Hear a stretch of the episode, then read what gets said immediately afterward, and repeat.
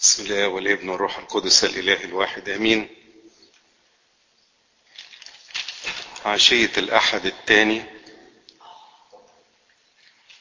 فترة الخمسين المقدسة الكنيسة بتحط فيها نهضة روحية قوية جدا عشان كل واحد يعيش في الكنيسة يحس بقوة القيامة. لأن زي ما إحنا عارفين بعد الصوم الكبير وأسبوع الآلام والنهضة الروحية اللي الواحد عايش فيها كان في الفترة دهيت الشيطان بيحاول يهد كل اللي اتعمل ده لأنه بيوقف لنا مستنيين على باب الكنيسة. يقول لا خلاص الخمسين فترة راحة فترة فطور روحي ومفيش مطنيات ومفيش صلوات بالكثرة اللي كانت موجودة فيها. لكن الكنيسة تقول لنا لا خلي بالكو فترة الخمسين دي أقوى فترة في الكنيسة لأن فيها قوة القيامة. لو كلنا بنتتبع ونمشي مع القرايات اللي موجودة خلال الخمسين المقدسة ناخد قوة جبارة. واللي بنلاحظه إن التلاميذ لما عاشوا فترة الأربعين يوم لغاية المسيح ما صعد للسماء وكملوا الخمسين يوم لغاية ما خدوا قوة من الأعالي. كانت الفترة دي فترة قوية في حياة التلاميذ لأن كان دايما بيكلمهم على الأمور المختصة بملكوت السماوات. وقال لهم لم ت... لا تبرحوا أورشليم حتى تلبسوا قوة من الأعالي. وعشان كده بعد ما خلصوا فترة الخمسين المقدسة فتنوا المسكونة. بقوا. يعني يعملوا أعمال عجيبة جدا والمسيح قال لهم الأعمال التي أعملها تعملونها وأعظم منها عشان كده عايزين نستفاد أو فات مننا الأسبوع اللي فات وكان برضو. بيكلمنا على البركات اللي الواحد بياخدها من قيامة من تمتعنا بقيامة ربنا يسوع المسيح ومنها طاعة الإيمان. الأسبوع اللي فات كله كان بيتكلم على الإيمان وهذه القوة المحركة لكل واحد مننا عشان يتغلب على العدو الشيطان اللي بيحاول يفهمنا إن الفترة دي فترة فطور لكن نسحق الشيطان تحت أرجلنا سريعا. ونيجي نخش على النهارده والموضوع مهم جدا. وهو محور الحياة المسيحية. وبتدينا بركات القيامة ومنها إنها القيامة بتطرح الخوف بره بره عننا. لأن الخوف معناه قلة إيمان. وإحنا خدنا الأسبوع اللي فات الدرس اللي الكنيسة اللي لنا لازم الواحد يكون إيمانه قوي. وما الإنسان يبقى إيمانه قوي يبقى ما فيش خوف في حياته.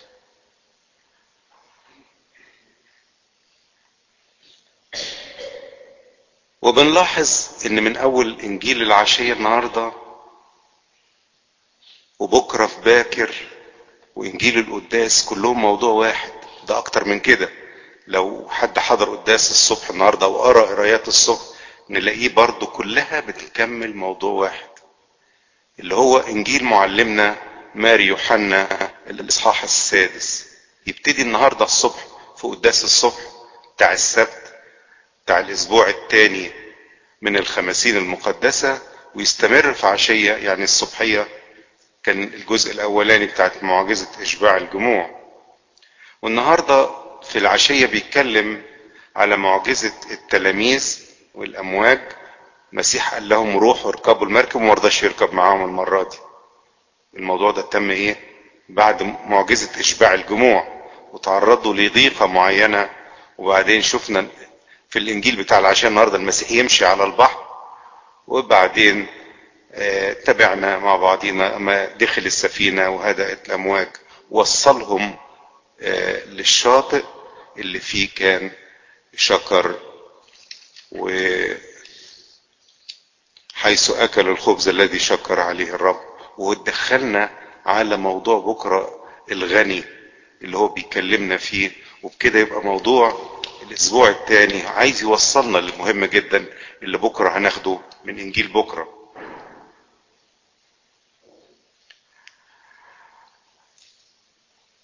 شفنا كمان النهاردة إزاي ربنا يعني وسط التيارات الصعبة اللي في العالم والأمواج والضيقات ربنا اللي بيجي للإنسان لغاية عنده يديله اطمئنان ويديله سلام ويريح الإنسان.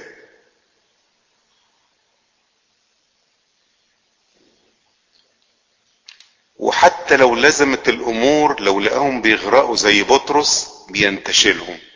ده عمل ربنا في الكنيسة. عمله معايا كل يوم. كل ما يلاقيني بقع بي يجي لغاية عندي ويشيلني. ويقويني. زمان أيام موسى برضو كان البحر عامل مخيف.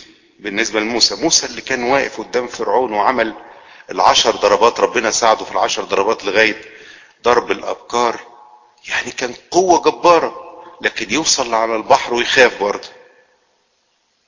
وربنا يقول له انت خايف ليه؟ ما انت معاك عصاية معاك الصليب معاك القوة اللي أنا اديتها لك. اضرب البحر. يعدي موسى وكل شعب بني إسرائيل وينجو من فرعون ويعدي فرعون وراهم فاكر الموضوع سايب وسهل لكن مش عارف إن هو معاهم قوة إلهية كبيرة. وموسى يضرب البحر تاني فيعود ويغرق فرعون وكل مركباته وينجو شعب إسرائيل من فرعون. وطبعا ده رمز للشيطان لإبليس وكل جنوده ودي الإمكانيات اللي ربنا بيديها لنا. عشان كده بقول إمكانيات جبارة ربنا بيديها لنا. في فتره الخمسين بس إحنا ما بنبقاش واخدين بالنا منها.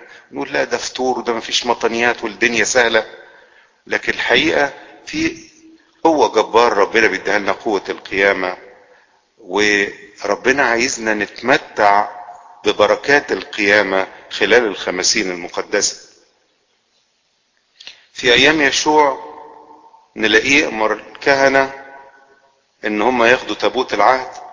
ويعبروا نهر الأردن مع الشعب لأرض الموعد.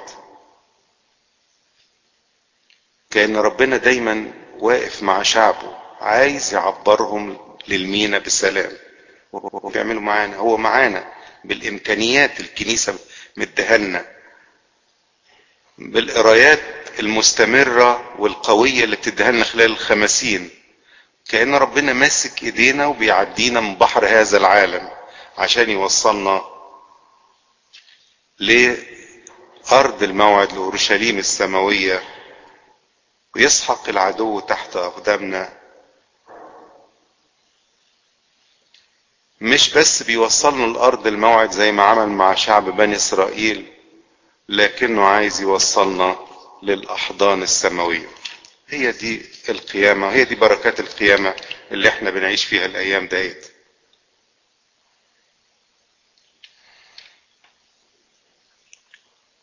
إن كانت المية أو بحر العالم أو الضيقات أو المشاكل اللي إحنا بنعيش فيها خلال حياتنا على الأرض بتعوقنا أو بتعطلنا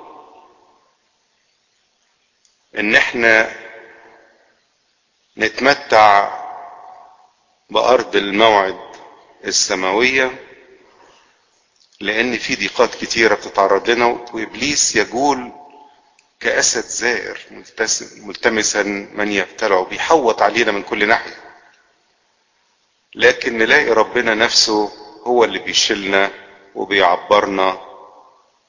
زي ما اتقال عنه الباسط السماوات وحده والماشي على أعالي البحار. الجاعل في البحر طريقا وفي المياه القوية مسلكا.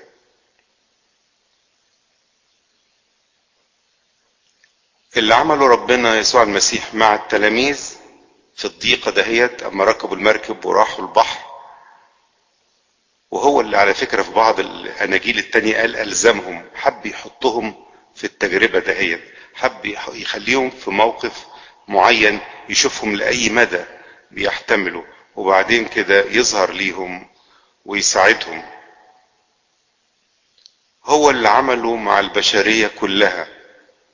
بظهور المحيي بالتجسد الإلهي في أواخر الأيام بعد ما الإنسان بعد ما اطرد من الفردوس وعاش في الأرض في الشقاء هربان من وجه ربنا محكوم عليه بالموت وربنا يدور عليه وينزل في الوقت المناسب عشان ينتشلوا بالتجسد الإلهي بصليبه المحيي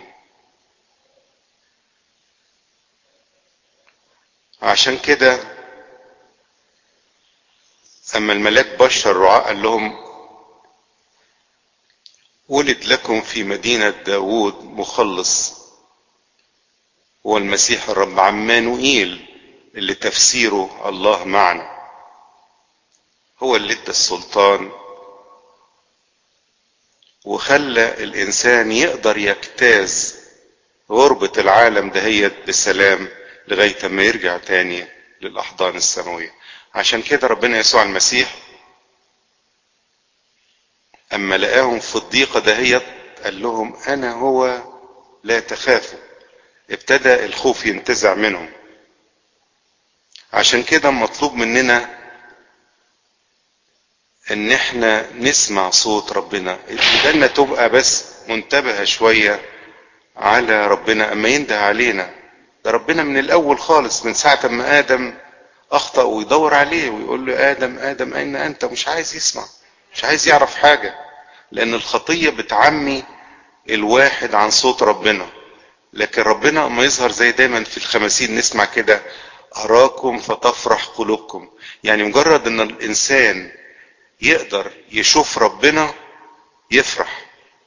هو ده سبب سعادة الإنسان. ده هو مشتهى الإنسان لأن الإنسان كان في الفردوس فرحان لأنه كان بيشوف ربنا وبيسمع صوت ربنا كل يوم مع ريح الصباح يعني كان بيتمتع بالحضور الإلهي. طب إيه اللي بيخليني إن أنا ما أقدرش أتمتع برؤية ربنا؟ ثلاث نقط هامة هي اللي بتشغلنا.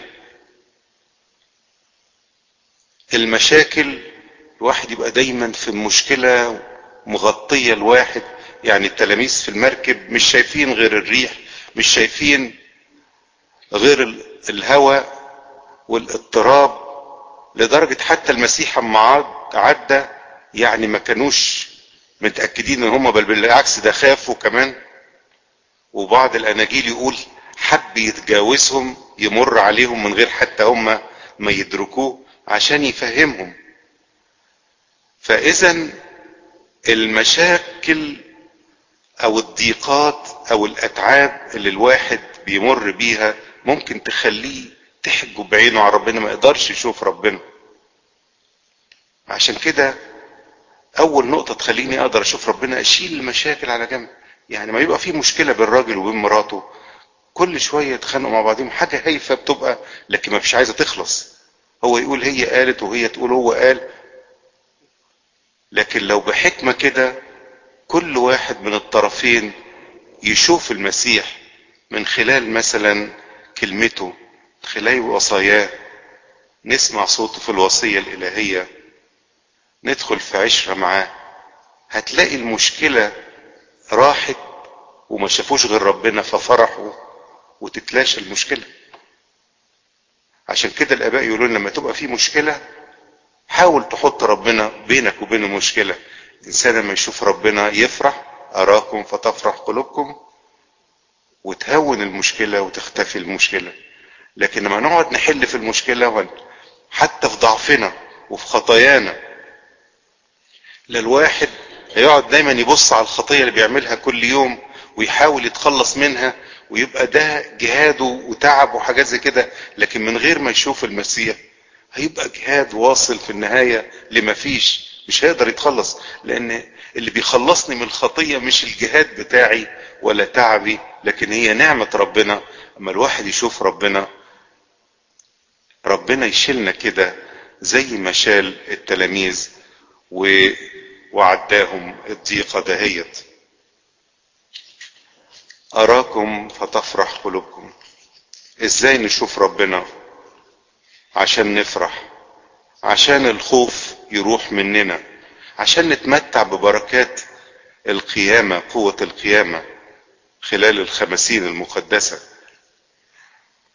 هو ده منهج قرايات الحد التاني من الخمسين المقدسة. زي ما قلت النهاردة في العشية إنجيل يوحنا يا ريت أما نروح النهاردة نقرأ إنجيل يوحنا كله من الواحد لغاية الآخر. إنجيل يوحنا إصحاح ستة من أوله لآخره. هنلاقي الصبحية كان في قداس الصبح للي سمعوا أو قروا قرايات إنجيل يوم السبت بتتكلم على معجزة إشباع الجموع وهنشوف هي إيه دخلها بإنجيل العشية وإنجيل باكر وإنجيل القداس هي كلها ربنا عايز يوصلنا لحاجة مهمة جدا جدا اللي بيها تفرحنا وتخلينا ناخد بركات القيامة. خلال الأسبوع التاني ده. إنجيل عشاء النهاردة من يوحنا 6 من 16 ل 23 وشفنا إن هو معجزة السير على المية وإن التلاميذ كانوا خايفين وبعدين اطمنوا وصلهم للمينا بسلام. ده موضوع الليلة. بكرة هنلاقي إنجيل يوحنا إصحاح 6 من 24 في باكر ل 33 ونكمل الإنجيل ده في إنجيل القداس يوحنا 6 35 ل 45 الاتنين دول باكر والقداس هنلاقيه موضوع واحد بيتكلم ربنا في مجمع كفر نحوم. أما وصلوا هم المركب الناحية التانية وقابلهم ودخل كفر نحوم وابتدى يتكلم عن جسده كخبز الحياة الأبدية. وهو ده موضوع الأسبوع كله. موضوع مهم جدا. الإفخارستية أو جسد ربنا ودمه الموجودين على المذبح اللي يعطوا غفران للخطايا وخلاص وحياة أبدية. وده الهام جدا لينا إن إحنا نتمتع ببركات القيامة والحياة الأبدية ونعيش في فرح دايم. وده موضوع بكرة أبونا يكلمنا عليه. وده أهم موضوع الكنيسة بتعيشه. والآباء يقولوا لنا ده أحدث وأعظم حدث عرفته الكنيسة أو عرفته البشرية كلها اللي هو الإفخارستية الموجود. وده موضوع مهم جدا.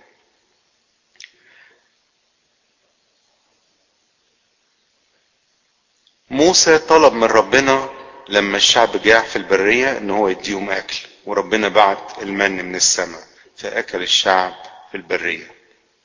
والمسيح نفسه بيكلمنا بكرة هنسمع في القداس إن هو الخبز الحي الذي نزل من السماء ليأكل الإنسان فيحيا للأبد. طب إيه موضوع الإنجيل اللي اتقرأ الصبح؟ الخمس خبزات والسمكتين. ما كلها إنجيل ستة من يوحنا وكله عايز يوصلنا لموضوع مهم جدا اللي هو الإفخارستية اللي هو ده الموضوع الهام بالنسبة لنا. ابتداه بمعجزة الخمس خبزات والسمكتين ونلاحظ إن المعجزة ده هي ذكرت في الأربع أناجيل ودي حاجة مهمة جدا لأن مش مش كل معجزات ربنا اتذكرت في الأربع لكن دي لأهمية لأنها بتربطنا بسر الإفخارستية فاتذكرت في الأربع أناجيل. دي حاجة اساسية من أعمدة إيماننا في الكنيسة.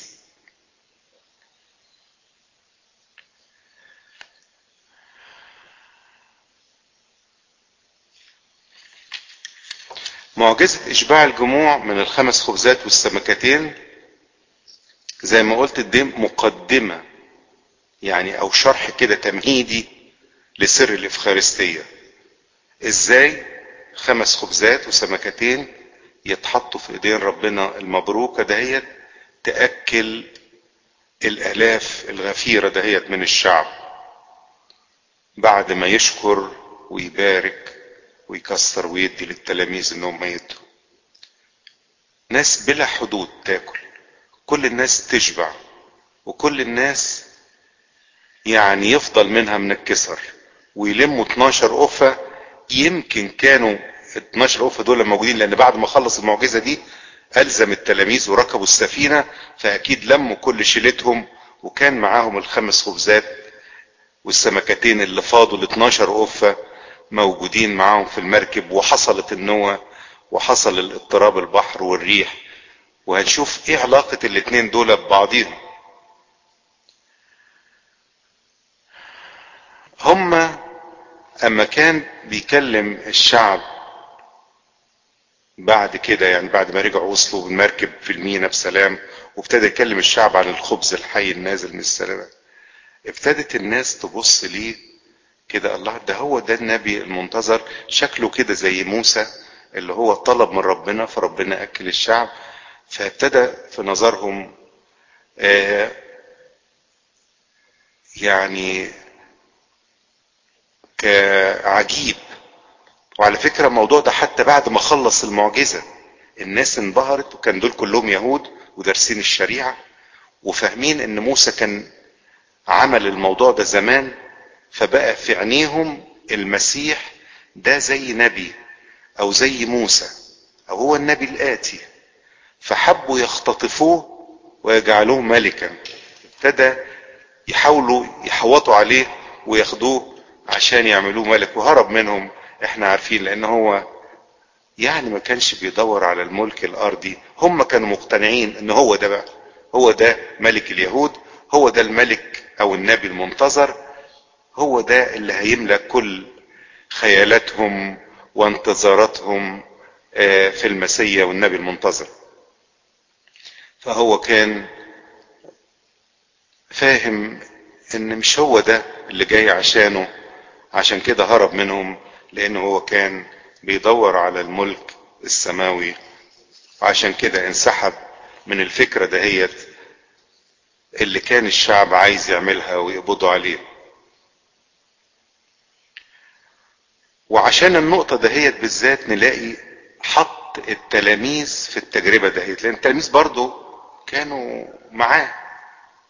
في الهيصة دهيت برضو افتكروا إن هو النبي افتكروا هو وكانوا يعني كل واحد منهم وهو بيوزع الخبز خمس خبزات والسمكتين كان يعني طاير من الفرح وبعدين حاسس يا ده بطرس ده عمال يعمل والناس عمالة تقول له يعني ربنا يباركك و... وإنت إيه يعني مين اللي خد ال... ال... الشكر والمدح؟ التلاميذ لأن هم اللي قدموا للجموع فأكلوا وشبعوا. ف برضه حس إن هم يعني ربنا يسوع المسيح ده بالنسبة لهم ده ملك كبير قوي وهم في مجد وفي عظمة. عشان كده كان لازم تيجي المعجزة دهيت أو الضيقة دهيت عشان يفهمهم. هم ناسيين إن هم يعني سبب المعجزة سبب وجودهم في الكرامة دهيت. هو وجود ربنا معاهم. هو ده اللي بيفرح قلوبهم هو اللي بيعمل المعجزات مش هم. هم خدوا الكرامة. زي مثلا واحد يجي يقول لي مثلا صلي لي يا أبونا عشان عندي امتحان. وأقول له ربنا يباركه. وبعدين يجي بعد كده بعد شوية يقول لي ده أنت صلاتك هي اللي نجحتني. وأنا أفتكر إن أنا فعلا صليت وأنا عملت حاجة. وأنا اضطراب وأنا مصدرة وغير موجود. لكن البركة كلها هي ربنا. هو اللي عمل. فعايز يشيل منهم الحتة دهيت. إن الواحد ممكن يفتكر إن هو من نفسه وصل للكرامة. والمجد ده. فعشان كده دخلهم في التجربة دهيت تجربة السفينة. وزي ما قلت الأناجيل التانية قالوا ألزمهم يعني اكبرهم وقال لهم ما تروحوش ومش روحوا أنتوا اركبوا وأنا مش هاجي معاكم. وهم ركبوا السفينة وزي ما أقول لما كان المساء نزل تلاميذه إلى البحر وركبوا السفينة وذهبوا ذاهبين عبر البحر إلى كفر نحوم وكان الظلام يعني يعني ده تمثيل كده أو يورينا إن ما دام المسيح بعد عن حياتي بيبقى فيه ظلام وفي ضيقة وفي تعب وعايز يوصلهم للحتة دهيت عشان بعد كده يفهمهم نقطة جوهرية ويفهمنا. آه المسيح بيكون معانا بنكون فرحانين وشايفينه كل يوم على المسبح كائن معنا كل يوم على المسبح لكن حتى لو ما إحنا شايفينه بعينينا نقدر نحس بقوته. وهو ده الرسالة اللي ربنا عايز يوصلها لنا النهارده.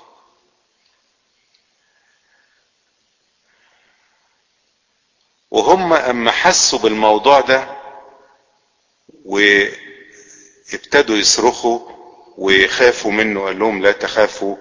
يقول الكتاب هنا في إنجيل معلمنا ماري يوحنا فرضوا أن يقبلوه في السفينة. هو قالوا له بقى طب تعالى بقى. في بعض الأناجيل التانية بطرس يقول له أنت مين؟ لو أنت المسيح مرني أن آجي إليك. ابتدي هيخش في حوار لأنه مش مصدق. هم عارفين وجود المسيح معاهم في معجزات في خير وفي فيض وفي بركات لكن ده مش موجود معاهم. فمش معقول هو ده يكون معاهم. فقال له تعالى يا بطرس.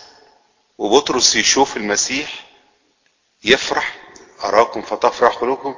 عينه على المسيح يمشي على المية يتغطى المشاكل. زي ما قلت ما دام في مشاكل بتتعدى المشاكل لأن مشكلة المية والضيقة والحاجات دي ما بصش فيها لأن عينه على المسيح. لغاية أما رجع تاني للمشكلة وبص للمية بص تحت رجليه بدأ إيه؟ يغرق. والمسيح يمد يقول له يقول له بس أنت ما عندكش إيمان؟ ما أنت كنت معايا في الخمس خبزات والسمكتين وأنا مديك في إيديك أكلت الجموع دهيت كلها وشبعوا وفضل عنهم. لا تكن بعد يعني غير مؤمن. ودخلوه السفينة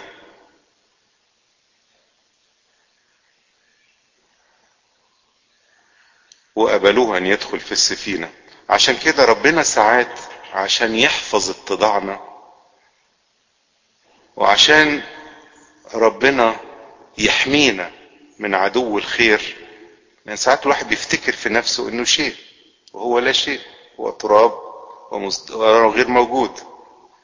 لازم يدخلنا في التجربة قبل كمان ما يمتعنا بالأمجاد السماوية. يعني نلاحظ في إنجيل يوحنا الستة ده كله الجزء الأولاني وراهم المعجزة في وجوده المعجزة الثانية الضيقة عشان ينقلهم نقلة روحية عميقة إن هو يكلمهم عن الإفخارستية وجسده الحقيقي ودمه الحقيقي اللي يعطى غفران للخطايا وحياة أبدية لكل من يتناول منه. ربنا بيخاف علينا من الكبرياء من الذات من الغرور حتى من إحساسنا بنفسنا إن إيماننا قوي. ساعات الواحد بيفتكر إن هو إيمانه قوي وده إحساس يخوف. عشان كده يا ريت الواحد دايما يحس إن هو قليل الإيمان أو ضعيف الإيمان ويطلب يقول له يا رب زود إيماني. يا رب يعني أعن ضعف إيماني أو حتى يا رب اعن أعن عدم إيماني. لأن لو كان عندنا إيمان زي ما قال الكتاب مثل حبة خردل لكنا بننقل جبال. طب ما إحنا ليه خيبانين؟ ليه الواحد كده زي كده مش قادر يعمل حاجة؟ مفيش إيمان. محتاجين إيمان. ولو مثل حبة خردل نقدر ننقل بيها. عشان كده ربنا يقول لنا النهاردة لا تخاف ما تخافش. لو انت حتى إيمانك ضعيف جدا لكن بصيت ليا أو خليت نظرك عليا هتهون كل المشاكل وهتهون كل الضيقات وهتهون كل التجارب والأتعاب. لأن أنا اللي هنقذك. تطلبني في وقت الضيق أنقذك فتمجدني. عشان كده حتى في العهد القديم نلاقي كلمة لا تخاف دي بتتكرر عشرات المرات في كل الأسفار حتى مع الأنبياء اللي ما تخافوش. أنا معاكم أنا إله أبائكم إله إبراهيم إله إسحاق إله يعقوب إله أحياء. أنا هو لا تخافوا. لما البحر اتشق قبل كده قدام عينيكم قدام عينين آبائكم يعني وانتوا عرفتوا القصص دهيت خايفين ليه؟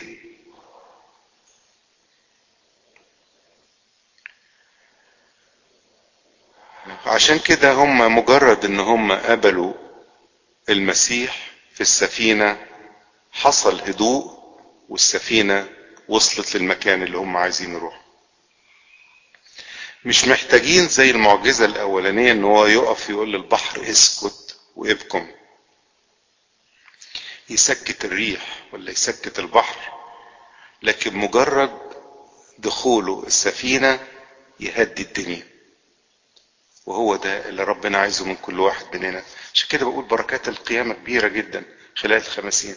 الواحد لو يحس المسيح هو في سفينة حياته في قلبه أنتم هياكل الله وروح الله ساكن فيكم إذا كان ربنا في الكنيسة كنيسة هتبقى قوية. هتوصل للمينا بسلام. هتوصلنا للأحضان السماوية. هنتمتع ببركات القيامة طالما إن إحنا دخلنا المسيح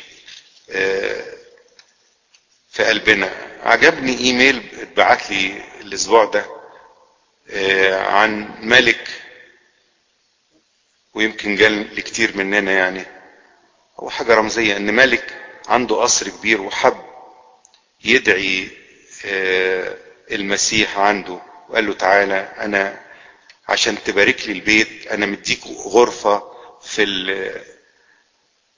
في البيت بتاعي عشان أنت تتمتع بيها وتديني البركة دهيت وفعلا المسيح قال له حاضر وهاجي واسكن معاك في البيت.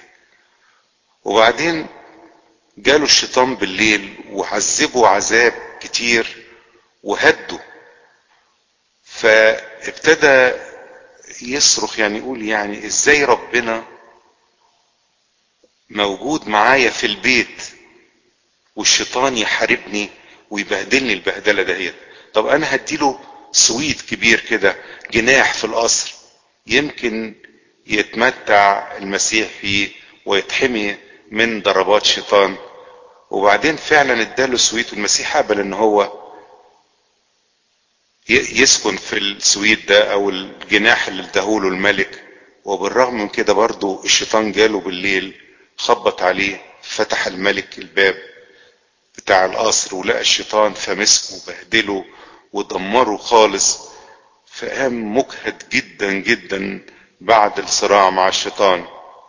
وبعدين قال بقى ده أنا ما فيش حل بقى أنا لازم أخلي ربنا يسوع ده يبقى هو صاحب البيت. وبعدين عرض على المسيح قال له يا رب أنت خليك من النهارده صاحب البيت لأن أنا في ضيقة شديدة جدا مع حروب الشيطان. والمسيح قال له وأنا قبلت إن أنا أسكن في بيتك. وبعد كده فعلا الليلة دهيت خبط الشيطان على الباب كالمعتاد اللي كان بيحارب بيها. بس المرة دي صاحب البيت هو اللي قام فتح هو المسيح فالشيطان هرب وما دخلش البيت تاني. دي قصة رمزية قريتها امبارح ولا أول واحد بعتها لي.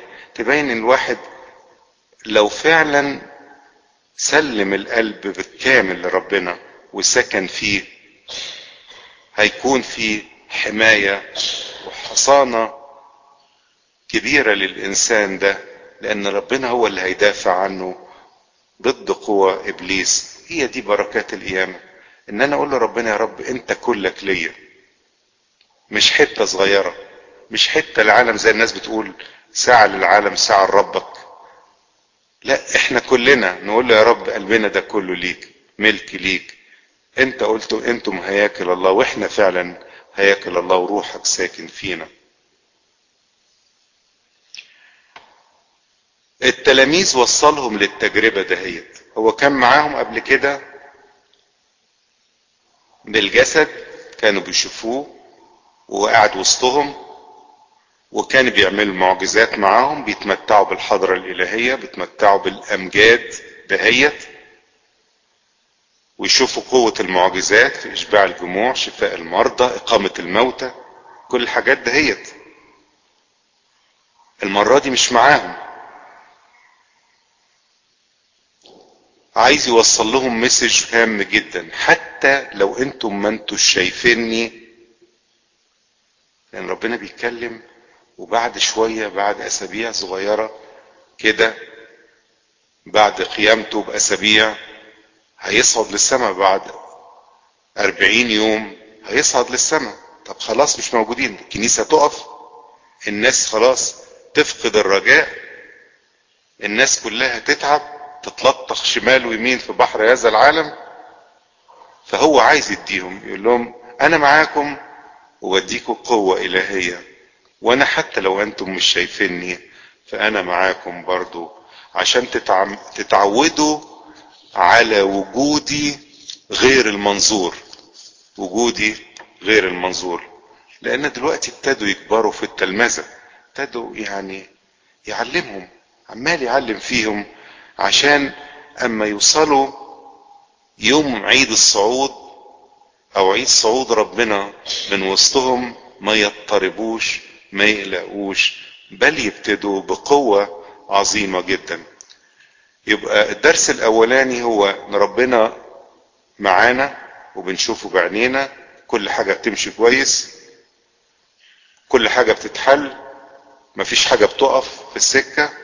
الدرس الثاني إن المسيح معانا حتى لو ما شفناهوش بعينينا برضه هو معانا هو هو. عشان كده ما بنخافش. وهي دي قوة الإيمان. عشان كده أما يجي يحط في سفر الرؤيا أول خطية تستوجب النار والكبريت والبحيرة المتخذة بالنار والكبريت يقول الخائفون في رؤيا 21 يقول الخائفون قبل الزنا قبل السحرة قبل يعني كل الخطايا الصعبة جدا لأن الخوف يضيع من الإنسان حياته الأبدية. بركات القيامة إن إحنا ما يبقاش فيه خوف في قلبنا نتغطى نتعدى كل الضيقات والتجارب حتى لو إحنا ما شفناش ربنا بعينينا لكن نشعر بوجوده وسطنا. بنشعر بوجوده في الكنيسة معانا. عشان كده حطلنا سر الإفخارستية. وهو ده موضوع بكرة موضوع القداس وموضوع حياتنا كلها.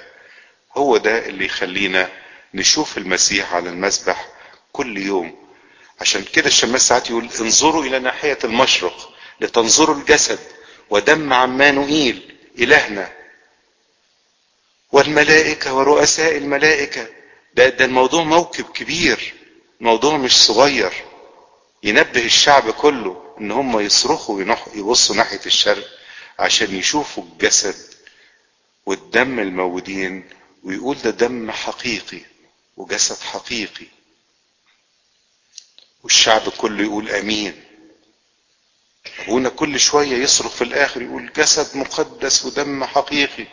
ليسوع المسيح لنا والشعب كله يقول آمين. مصدقين شايفين يقول مقدس وكريم جسد ودم حقيقي ليسوع المسيح. جسد ودم عمانوئيل إلهنا. وبعد كده يقول أمين أمين أمين. والشماس يقول أمين أمين. حقا حقا. شايفين إن هو ده جسد ودم حقيقي. أراكم فتفرح قلوبكم ولا ينزع أحد فرحكم منكم لإلهنا المجد.